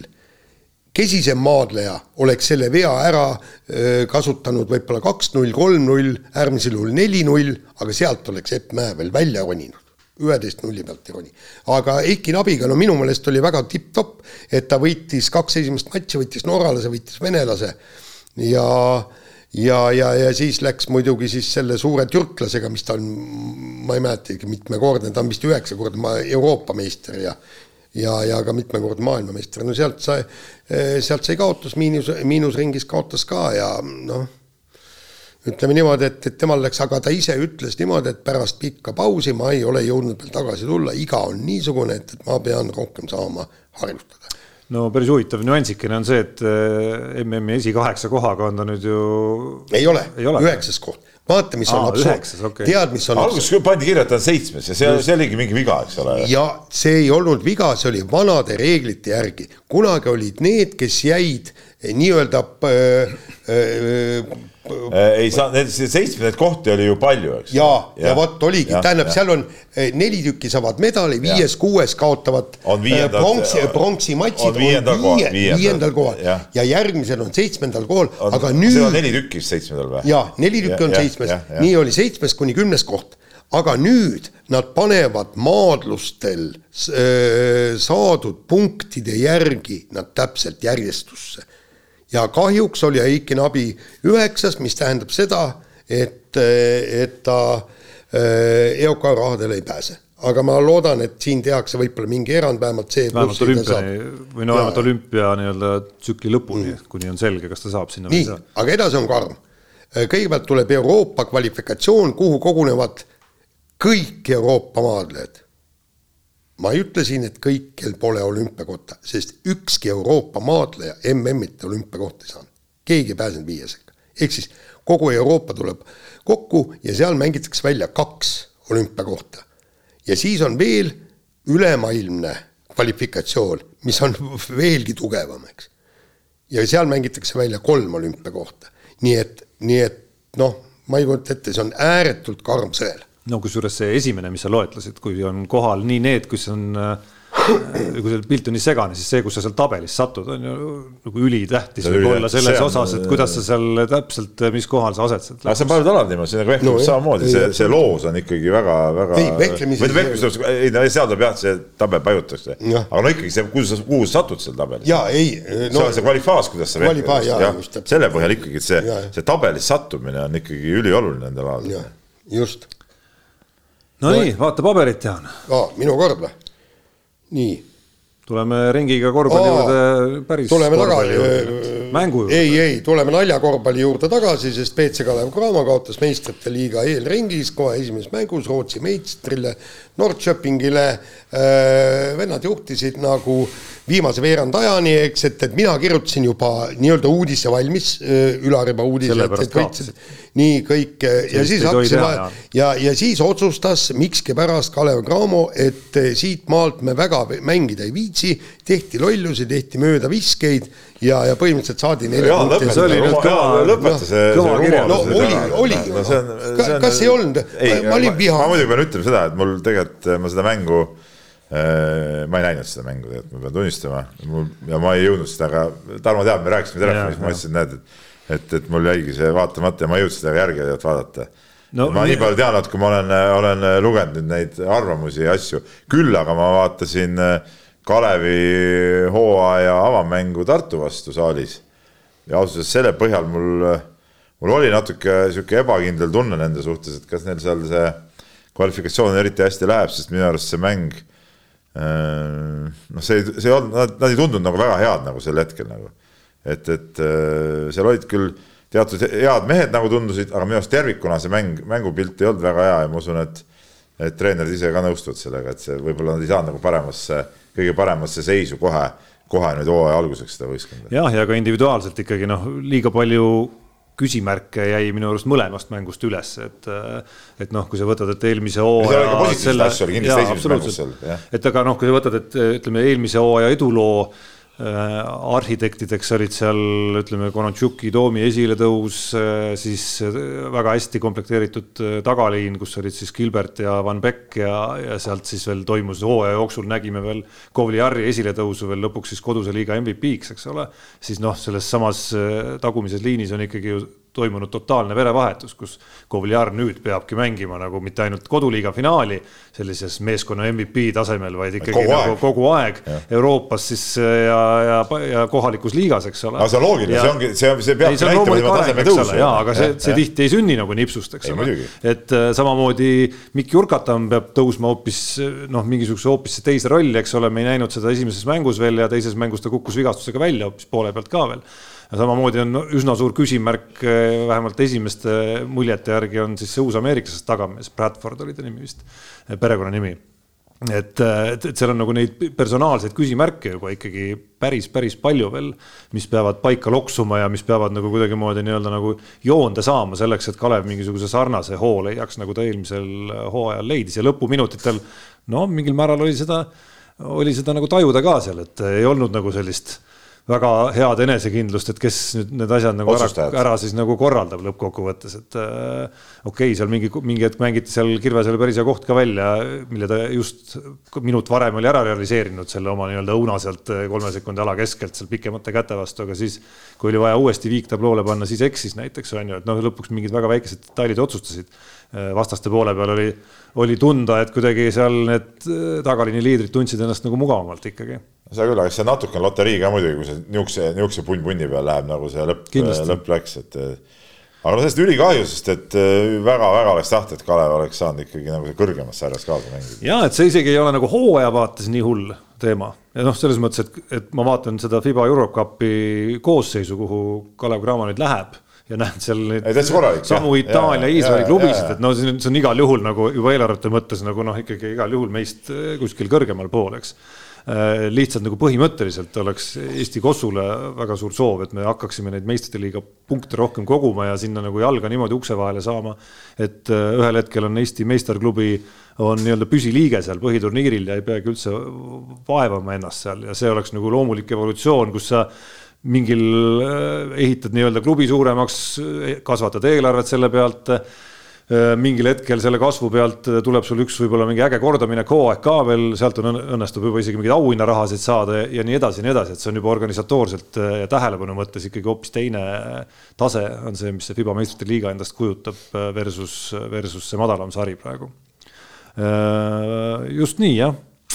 Eks see koduliiga, koduliiga nii-öelda algus natukene, kusjuures oli samade märkide all, liiga pikalt siia nagu sisse ei saaks jääda, aga see nii-öelda otsustaja puudus näiteks on ju, noh, TalTechi, ma ei tea, kas sa TalTechi Pärnu mängu vaatasid, et äh, TalTechi mängu lõpp oli üks, oli üks kõige klassikalisemaid äh, perioode, kus oli näha, kuidas äh, TalTechis on minu arust nagu sihukest toredat potentsiaali sellel hooajal satsis, kus on ainult Eesti mängijad tänavu koos, eks ole, paljud päris noored ka. Aga otsustaval, et seal veel nagu otsustajaks kerkida nii-öelda õigel hetkel nii-öelda mängumeeste minutitel, see on ikkagi nagu järgmine samm sellest, mida Kasper Suurorg näiteks juba ütleme, kolmkümmend seitse minutit suutis teha, aga siis nii-öelda nüüd on vaja järgmine samm teha. selle jaoks tihti ongi meeskonda legionärid toodud, jube huvitav on näha, et kas siis keegi nendest oma poistest suudab astuda nendesse, nendesse kingadesse, aga ärme vist pikemalt siia korvpalliradadele jää. Te võite kiire ennustuse teha veel, kas äh, Ott Tänak võidab Tšiili ralli. no ise ta ütleb, et, et see, selle autoga ei ole võimalik võita, aga noh, tegelikult Tšiilis ta on võitnud. viimati, kui Tšiilis sõideti, siis võitis. ja, ja võitis. mai koha peal muuseas. väga tore oli. ja, ja. kus sa sinna jõudsid veel, mis asjaoludel? Haige jah, ikka Mehhikoski käidud no mina olen Mehhikos käinud. Argentiinas oled käinud. Argentiinas olen käinud. koroonakriisi alguses ma mäletan, Jaan jäi Mehhikosse vist. see oli enne, see oli aasta enne koroonat, see oli veel niimoodi, et ralli oli Argentiinas, kus käis Jaan ja kahe nädala pärast oli Tšiilis, siis Jaan tuli Argentiinast tagasi, mina sõitsin Tšiili. sinna pampadesse kuskile laagri püsti panna. ei, seal oli mingisugune mõte oli, aga. aga ei, see oleks olnud liiga pikk, no me kaalusime tookord, et ikkagi odavam oli see meid nagu edasi, mõlemaid lennutada edasi-tagasi. ma võin juba eh, etteruttavalt eh, öelda, et eh, ka käesoleva nädala Unibeti eripanus saab olema Ott Tänak ja, ja Tšiili ralli esikolmikusse tulek ja, ja kaks koma kakskümmend viis koefitsient hmm kaks koma kakskümmend viis esikolmikusse, see on täitsa okei okay,, ma arvan. see on täitsa okei okay.. nii, laseme kõlli. Nii äh,. tempokalt. tempokalt, kiire vahemäng. Äh, Kristin Tatar võitis Kette golfist aasta neljanda suurturniiri ja sellega siis ka Grand Slami ja noh, ühest küljest aplaus, teisest küljest oli kohe kriitikuid, ütles, et noh, et, et ei ole ta nagu võitnud eh, neljas eh, Grand Slami ja tegelikult no vaata, minu jaoks on ka natukene segane, et, et eh, kui on näiteks tennises ja golfis on kindlad turniirid aastast aastast, mis on Grand Slamid, ma ei ole nüüd aru saanud, et, et. aga seal ei ole, ma ei ole ka. seal oli jutt oli sellel aastal olid Grand Slamid need, aga no selge, maailmameister USA lahtised, Euroopa lahtised, Euroopa meister või mis, mis ta iganes on. oota, aga, aga Iga... keegi nagu ütles, et ta on juba ammu sihukese asja ära teinud. no just see. nüüd ta tegi esi, ühel aastal ka. ühel aastal jah. et nüüd ta tegi ühel aastal. aa, et see keegi teine tegi siis nagu mingi mitme aasta, okei okay,, ma, ma ütlen, ma ütleme viimast päeva tõesti, ma natuke pealiskaudselt jälginud, aga ma olen, mulle jäi silma nagu sihuke. aga, aga ütleme niimoodi. ta tegi selle, vabandust, ma segan. Äh, kõige hämmastavam on see, et ma saan aru, et mäng ei suju tal üldse või no üldse on liialdus muidugi, aga no mäng ei suju kõige paremini tal ja ikka, ikka võtab ära. ei, no seal on see, et, et äh, vaata, tema, äh, see, see on täpselt nagu golfis mõtleme niimoodi, tähendab, ühesõnaga, kui sa stabiilselt isegi sita või kehva mänguga mängid seitsekümmend kaks, siis sa mängid seitsekümmend kaks. ja seal oligi need vastased, kes esimese päeva, päeval pikalt juhtisid ja siis hakkasid ükshaaval ära kukkuma, kuna kuni kukkusid. ja, ja, ja just ja kukkusid ikka lõpuks ära. Ja, ja Kristin Tatar, kes oma parimal päevil, no võtame golfi järgi jälle, keskmine on ta seitsekümmend kaks, parimal päeval mängib sellest viis alla, kuus alla, seitse alla, nüüd ta mängis oma seitsekümmend kaks kenasti ära, aga teised mängisid öö, veelgi kehvemini. Ja nii see võit tulebki, see ongi stabiilsus no see baastase on lihtsalt baastase, nii palju üle teistest, et see parim äh, päev tähendab seda, mida me nägime Tallinnas EM-il siis enne viimast võistluspäeva, mis oli ikkagi Just. ju noh, mäekõrgune ülekaal. ei no vaata, tal oli ju see, et, et mis turniirid ta võitis, kuueteist viskega võitis järgmist. see, see on meeletu vahe, noh. ja see on meeletu vahe, see on ka suur turniir. see on peaaegu sama suur vahe, kui mina sind võitsin seal paari rajal äh, viie viskega või? jah, nojah. rada per vise, Jah. umbes noh. no see Ei, sinu, sinu edu oli 16 ikka suurem selles mõttes, et kui tema võidaks äh, ütleme kõik seal mängivad ju mitu ringi, muidugi, muidugi, ei, ei, ma ei, jaa. aga isegi mitme ringiga kuu, kuueteistkümnega Ikka võitel, see ei, see ei ole sul, tähendab, sul ei ole võimalik seda mängu kaotada viimasel päeval. miks ta on ebatavaline kasvõi no vaata nüüd kõik, vaata Tarmo tahtsin seda ütelda, et kõik ülejäänud diskgolfarid tundsid samasugust ängi eh, sel hooajal Tatari vastu mängis nagu sina minu vastu. võib nii öelda küll jah. ainult, et ängi ma ei tundnud nüüd. okei, no tundsin, olgu, olgu, olgu sul, jaa, olgu sul hea. seal, seal lauluväljakul läksid. olgu sul äh, täna hea päev, tegelikult oli äng väga suur. ma siiamaani on unehäired tegelikult ka sellest. ausõna. ei, ma usun jah. võta unerohtu. nii, vahetame teemat. Nikolai Novosjolov, kas võib öelda, et mõnes mõttes pühkis käed Katrina Lehise kehvade tulemuste eest puhtaks, kui ta ütles intervjuus, et äh, intervjuus Peebule siis on korrektne jah ja.? olukord oli suhteliselt kehv ja see, et Katrinal ei tule midagi välja, oli aimatav. mul oli valida, kas käitun treenerina väga karmilt ja sellega kaasneb oht, et koostöö võib lõppeda või võtan ebapopulaarse otsuse enda peale ning lasen tal proovida ja vaadata, mis juhtub, kui teeme nii, nagu ei peaks tegema ma ei ole sinuga nõus no see on loomulikult äh, toimetaja Martinsoni käte läbi loomulikult. Ei, ei, konstruktsioonid ei, sünnivad, ei, aga, ei, aga mina seda küll nagu kuskilt aga seda annab välja lugeda küll siit, ma olen no, nõus. annab, aga no ei, ma päris niimoodi seda kindlasti ei mõtelnud ja, ja ja tegelikult, kui nüüd tervet seda lugu vaadata, siis minu arust Novosjolov rääkis seal päris äh, mõistlikku, mitte päris mõistlikku vaid väga-väga mõistlikku juttu ja ja, ja rääkis asjad teati lahti, mis, mis ja kuidas on, et, et, et eks seal olidki, ütleme selles suhtes äh, tal on õigus ju, loomulikult tema isikliku treener nägi ju ära, mis seisus äh, lehis on ja, ja, ja ta aimas ju ette, et kui, kui läheb nii näiteks, et äh, noh, seal ei saa individuaalvõistlust võistelda, et siis ei tule midagi, see noh, ta treenerina ju tundis seda, see on ju loogiline, mis,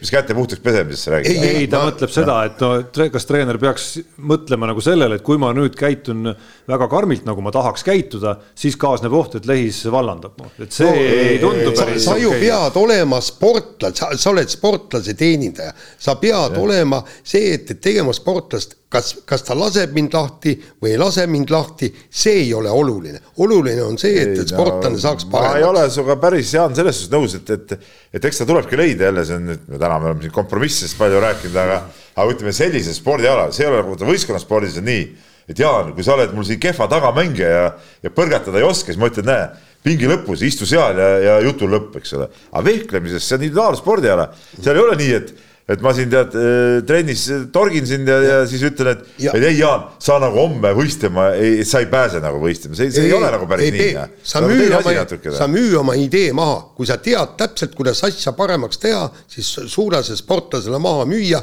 ehk siis ta, Katrina Leis no, oleks võinud. võib-olla, aga ta ei teadnud täpselt, et võib-olla ta ise natuke kahtles nendes asjades, aga aga, aga ma nagu, ma nagu niimoodi seda, seda tegelikult ei, ei, ei võtaks. okei, no loodame. Aga me tegime seda intervjuu seal uues vehklemissaalis, see on küll super koht ausalt öeldes. et see on nagu, see on nagu, see on nagu siukse no kaasaegse treeningtingimuste sihuke tipp, mis on? ei, mulle meenuvad kõik need lood läbi aegade, mis on no, tehtud sealt Kännu kuka juures kuskil seal mingisuguses. ei, aga siis tuli, siis tuli ka medaleid rohkem.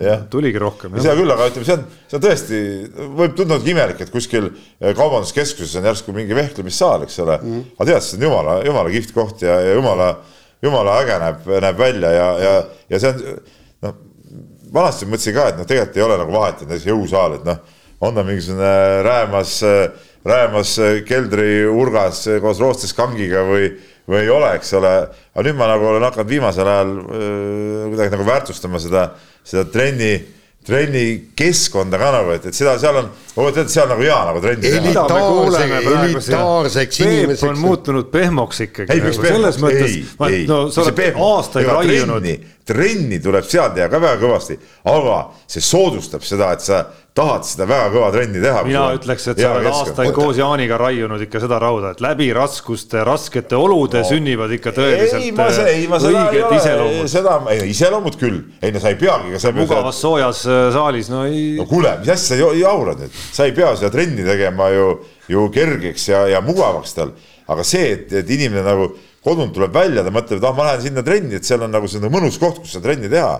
no igal juhul on ju nii, see on fakt. ah, kuule, Peep, sinu see vehklemisvaimustus viimasel ajal, no Šolöögi nüüd kiidad seda vehklemissaali, mul tuli küsimus, ega su MTÜ vehklemisega tegelema ei hakka? sest ma lugesin täna, tänasest ühest intervjuust, et väidetavalt sa oled kergejõustikuga MTÜ. tegelikult ja just ongi plaanis äh, arutada, et äh, saaks äkki Keilasse ka vehklemisalad üles panna, miks ei võiks olla sihuke spordiala, seal medalid tulevad väga äge ju. aga kergejõustikuga ka tegeled või, kümnevõistlus? ei, ei, kui päris aus olla, siis tegelikult oli plaan suvel, et, et me nagu natuke võtame seda Keila kergejõustikut äh, nagu üles äh, sikutada, aga selleks ei jäänud, äh, ei jäänud füüsilist aega ja, ja, ja ka noh, ei jõudnud sellega nii tegeleda, nagu oleks pidanud, aga teatud mõtted olid ja, ja mul tegelikult no kõik teavad, mulle kergejõustik väga meeldib, eks ole, ja, ja mul nagu Keila kergejõustiku pärast selles suhtes on mure küll, et et, et see on natuke kuidagi nagu ära vajumas, seal väga-väga tublid äh, treenerid olid, aga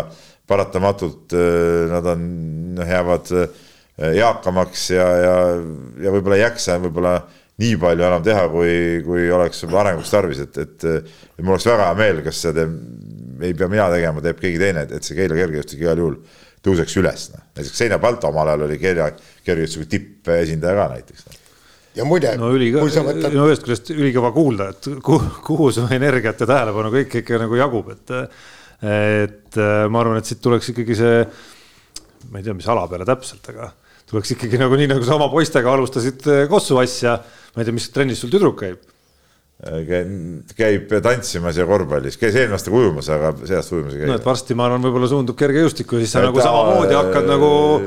ja ei, tal oligi kergejõustikus, ta korra käis ka, aga tal praegult väga seal ei meeldinud, noh, et, et seal ongi. Äh, kuule, kuulsid, tantsimas, tantsuklubi loob Peep ei, ja hakkab siis. ei, see ei ole mitte võistlustants, see on ikkagi see show-tants nagu. ei no okei okay,. aga käivad, käivad ka võistlemas. ei, aga mis vahe? Keilas on väga, Keilas on mitu seda äh, tantsuklubi ja, ja ta on väga, väga hea. mis vahe see on?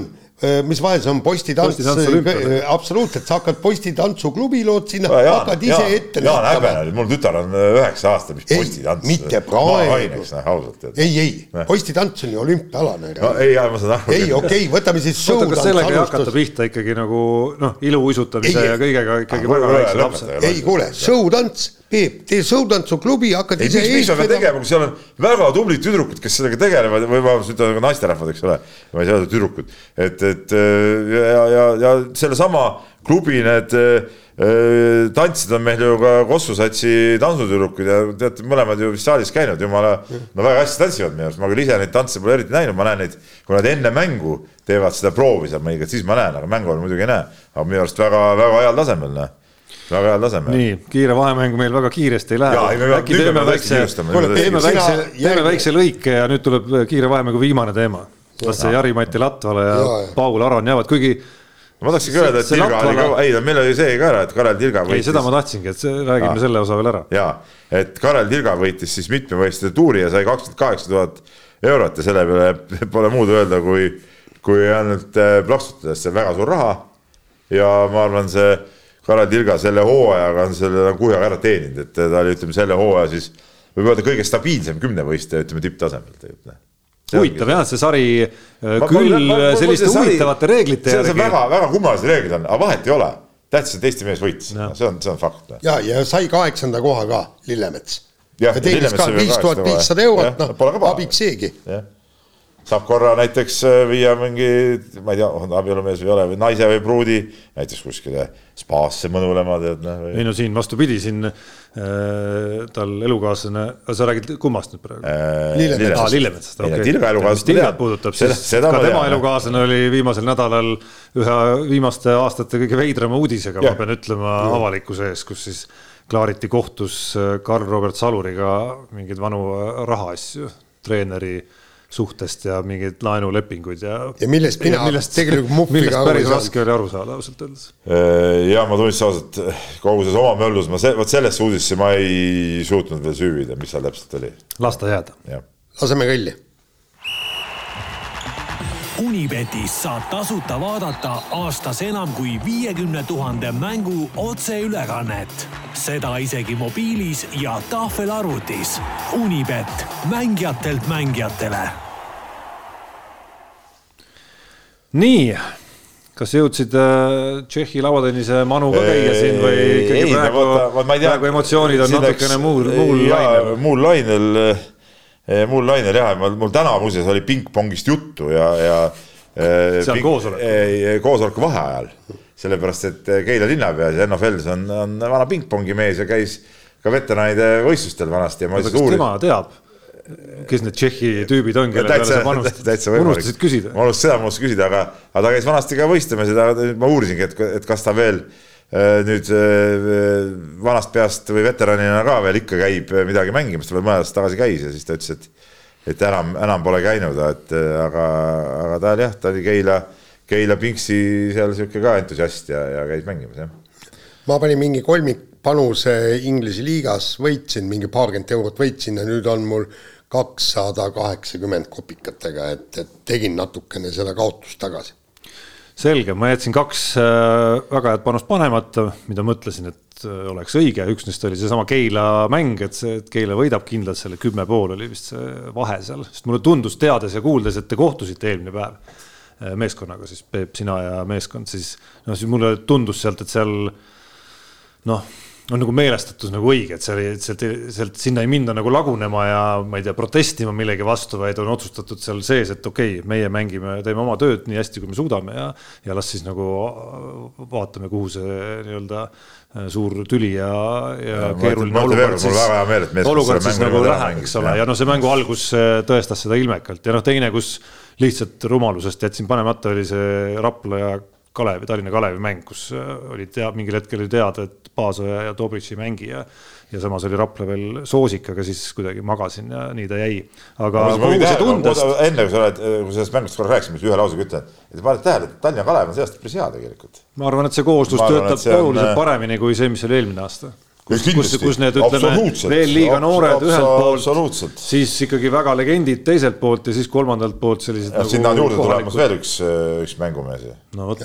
aa, muide ma ei tea, Peep, kui. ma ei saa seda välja ütelda, ma tean küll ja see on see äh, mul on muidugi mõtted, et kas see teeb meeskonna tugevamaks või nõrgemaks, see on muidugi omaette küsimus okay.. Peep, ma ei tea, kuivõrd palju sina tead, aga igal juhul siin käis mitmelt, mitmest kohast käis spekulatsioone, et kui sa saad ikkagi sealt Keilast kinga, et siis sa oled Klandorfi asemel peatreeneriks no ma ei tea, no Kalle on nii hästi alustanud, ma ei usu, et ta sinna kedagi oleks. ei, aga, aga see oli, see oli väga konkreetne jutt ja mulle selgitati, põhjendati ära, et, et Klandov otsib endale asendajat, pole leidnud väärilist asendajat ja arvati, et, et noh, sind ta peab nii-öelda omama hästi kõvaks meheks. no vot äh, aga kohusetundest ma ikkagi eile õhtul täitsin oma kodanikukohuse meie saates ja see oli nüüd natukene minu klassika, kurb, et see panus võitis, aga kuskil mängu alguses, kui Kalev Cramo oli kaotus või vabandust, ette pääsenud, siis ma panin nende vastu. väikese panuse panin Dolphinsi. sa oled ikka uss, noh. sa oled ikka tõesti uss tegelikult, noh. noh. kus see ussin? no kuidas sa saad nüüd kuidas sa saad üldse rääkida midagi Eesti korvpalli toetamisest ja mingi Kalevi poolt olemisest? mis need sellised asjad, et siis kui veel meeskond on ees, sa hakkad, sul on nagu kaks trusbasaagi on käes ja lihtsalt hakkad Kalevi jalgu saagima, tead noh. Vastupidi, nagu sa, nagu sa tead, on see nagu strateegiline valik juba kuskilt algusaegadest, et siis vähemalt negatiivse emotsiooni korral on midagi positiivset. nojah nii, aga tegime Peebule ühe kingituse veel täna, säästsime teda siin meie meili postkastidest äh, tuhnimisest, kui ta Keilast otse meie juurde jõudis.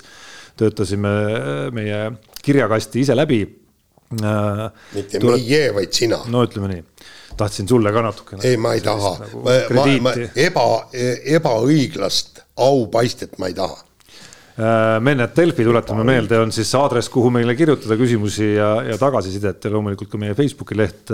ma ei hakka vist siin ikkagi nende kirjade juurde tulema, mis siin keskendusid, keskendusid Keilas toimunule, et siin nii mõnedki nendest küsimustest said vastatud meie saate esimeses ja päris pikas osas ja, ja noh, kindlasti ma arvan, et Peep ühineb tänusõnadega kõikidele, kes häid soove meile saat, meie saate, saate vahendusel Peebule saatsid ja lootsid, et see, lootsid, et see tüli kuidagimoodi laheneb ikkagi niimoodi, et homme, homme on Pärnus kohtumine, kus Peep peatreeneri koha peal ka on, aga äh, osaliselt kantud nendest samadest sündmustest on meie esikirjasaatja äh, Priidik, teadlane, saatnud meile küsimuse millised isiksuste vahelised konfliktid on kahjustanud Eesti sporti kõige rohkem nii otseselt kui ka kaudselt? oh, no mina no, mäletan, ütleme, kui me läheme kohe korvpallimanu, siis äh, Riho Soonik ja Jaak Salumetsa tülli minek ikkagi nagu mingis mõttes ju lõpetas teatud äh, perioodi Eesti, Eesti tippkorvpallis. Mäletan väga hästi jah, kuigi see nagu ei läinud minu arust selle mõjud, kas olid nagu päris nii suured ikkagi, et seal nagu ütleme, seesama mudeliga mis.... seal oli vaat see klubide koondise teema. aga see klubide ikkagi... koondise mudel, see jätkus ka pärast seda, lihtsalt tulid uued, uus treener no, Martin Van Gent no, näiteks. jaa, aga no see ikkagi, Jaagu lahkumine oli ikkagi minu arust nagu löök, et kõik need Van Gendid kõik need toredad mehed, aga, aga Jaak Salumets on Jaak Salumets noh, siin pole midagi rääkida. no ja, Gerde ja, Gerde ja Kuusma. Gerde Kuusma meenub, meenub mulle jah, sellisena, kus me räägime ikkagi Eesti koondise ajaloo ühest tähtsamast hetkest, kus pääseti finaalturniirile ja siis vahetult enne seda meeskonna liidermängija põhimõtteliselt noh, kuidas me sõnastame, lahkus, visati välja meeskonnast. ei olegi oluline, et, et see oli ikka päris raju, lugu no ja mõtleme jalgpallis, et. et selle kõrval ma ei tea, noh, kuigi sama natuke sarnane, Georgi Gretu ja Oliver Venno. ja näiteks ka. sarnane, sarnane juhtum. kuigi see on nagu tüli, vaata, see oli nagu treeneri sihuke mingisugune oma nägemus nagu.. no jaa, aga ta oli ja, ka. millega venna ei olnud. oma jonni nagu tead natuke.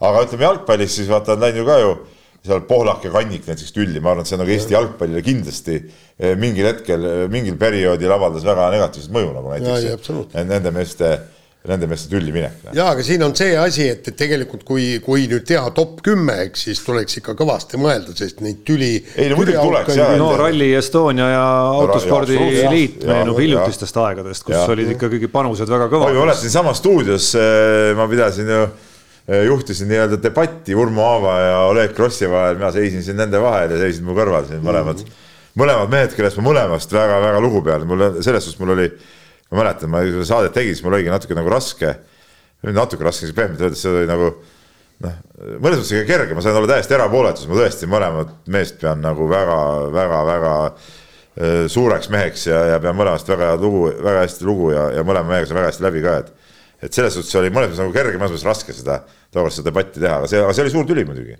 nojah, no kui läheme aegade hämarusse, siis Kestina Šmiguni Äh, ja, ja siis Suusaliidu vaheline tühi, tüli, mistõttu siis loodi see tiim Šmigun, aga, aga sealt, sealt ei läinud midagi untsu, vastupidi, seal noh, nagu öö, äh, läks kõik väga hästi. no kui tuleme ka viimase asja juurde, laskesuusatajad praegu no,. et, et ilma rahata, mis saab, kuidas saab, see võib ju tegelikult äh, Eesti sporti või, või seda talihooaega mõjutada nagu päris kõvasti.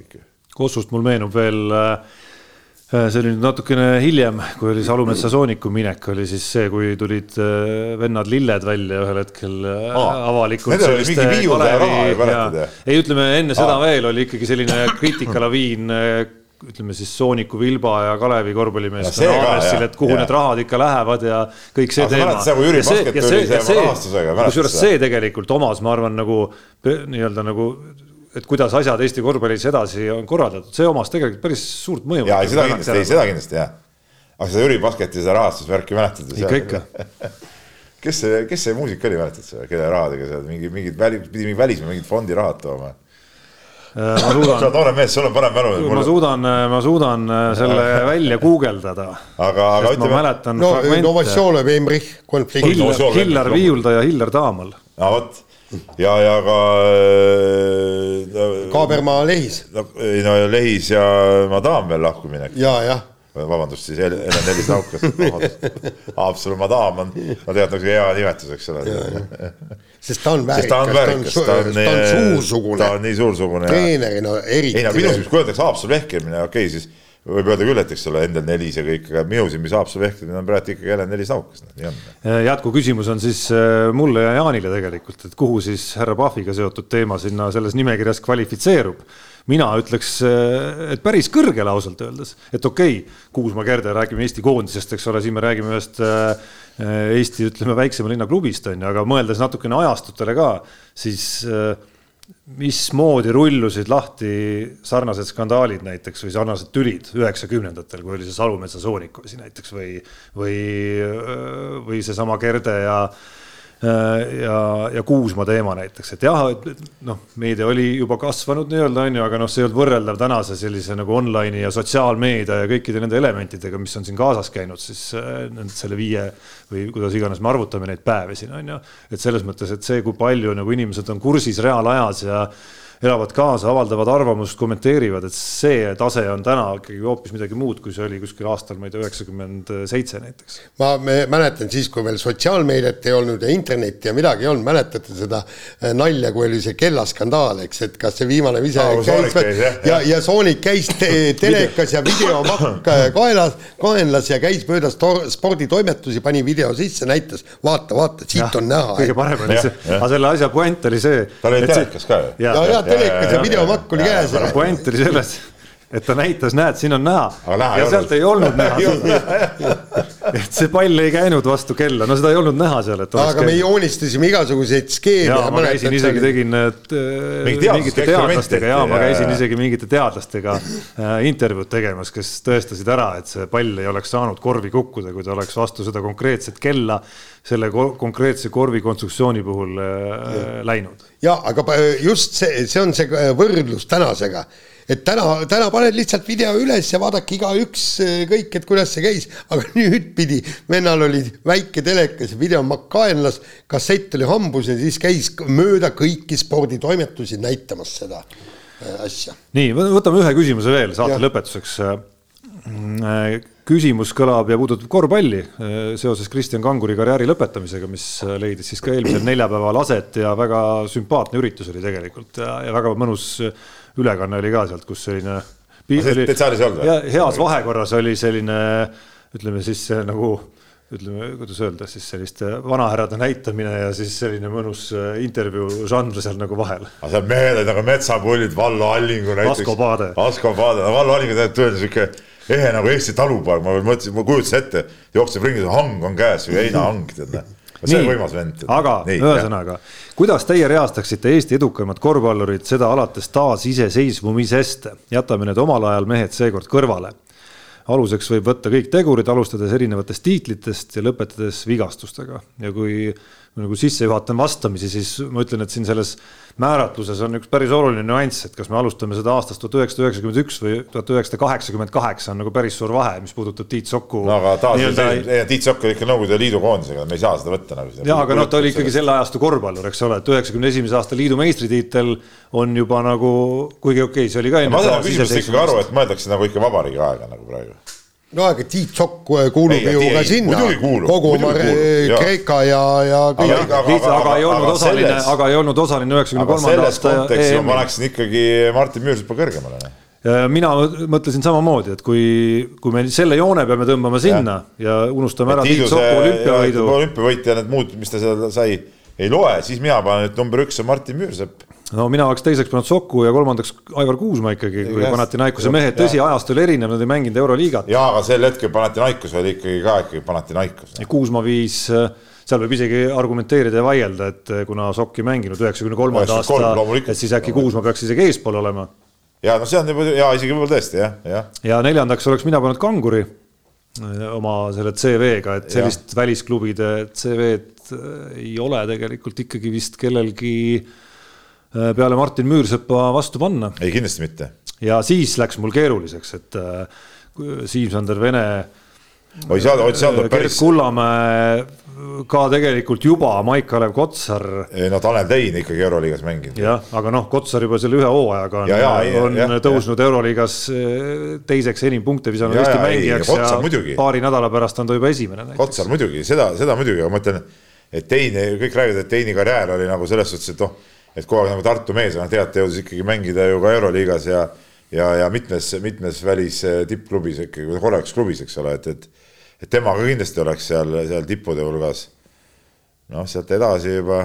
no ma ütlen, seal, seal läheb mingil hetkel võrdlemine selles mõttes raskeks, et, et ka ütleme, kanguri Vene ja rääkimata tänasel ajastul ütleme, selline nagu teenistuslehtede võrdlemine on natukene keeruline, kui mõelda, et kui raske seal eriti karjääri algfaasis oli, ma ei tea, Gerd Kullamäel või Rauno Pehkal pääseda, ütleme regulaarselt välisklubidesse üldse, kus Jaa, olid ju välismängijate, tead, välismängijate piirangud olid hoopis teistsugused, et kui sa nüüd võrdled täna, ma ei tea, Sander Raiestega, kes ja paljude korvpalluritega, kes lähevad siis juba noores eas lapsena Hispaaniasse või Itaaliasse, saavad seal selle kohaliku kodakondsuse ja noh, sellega kui neil on vähegi taset, siis nad ikkagi garanteerivad endale selle nii-öelda tiir, tiirlemise seal sellel tasemel, noh, et see on väga erinev maailm.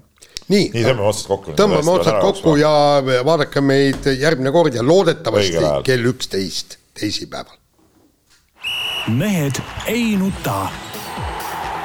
saate tõi sinuni Unibet, mängijatelt mängijatele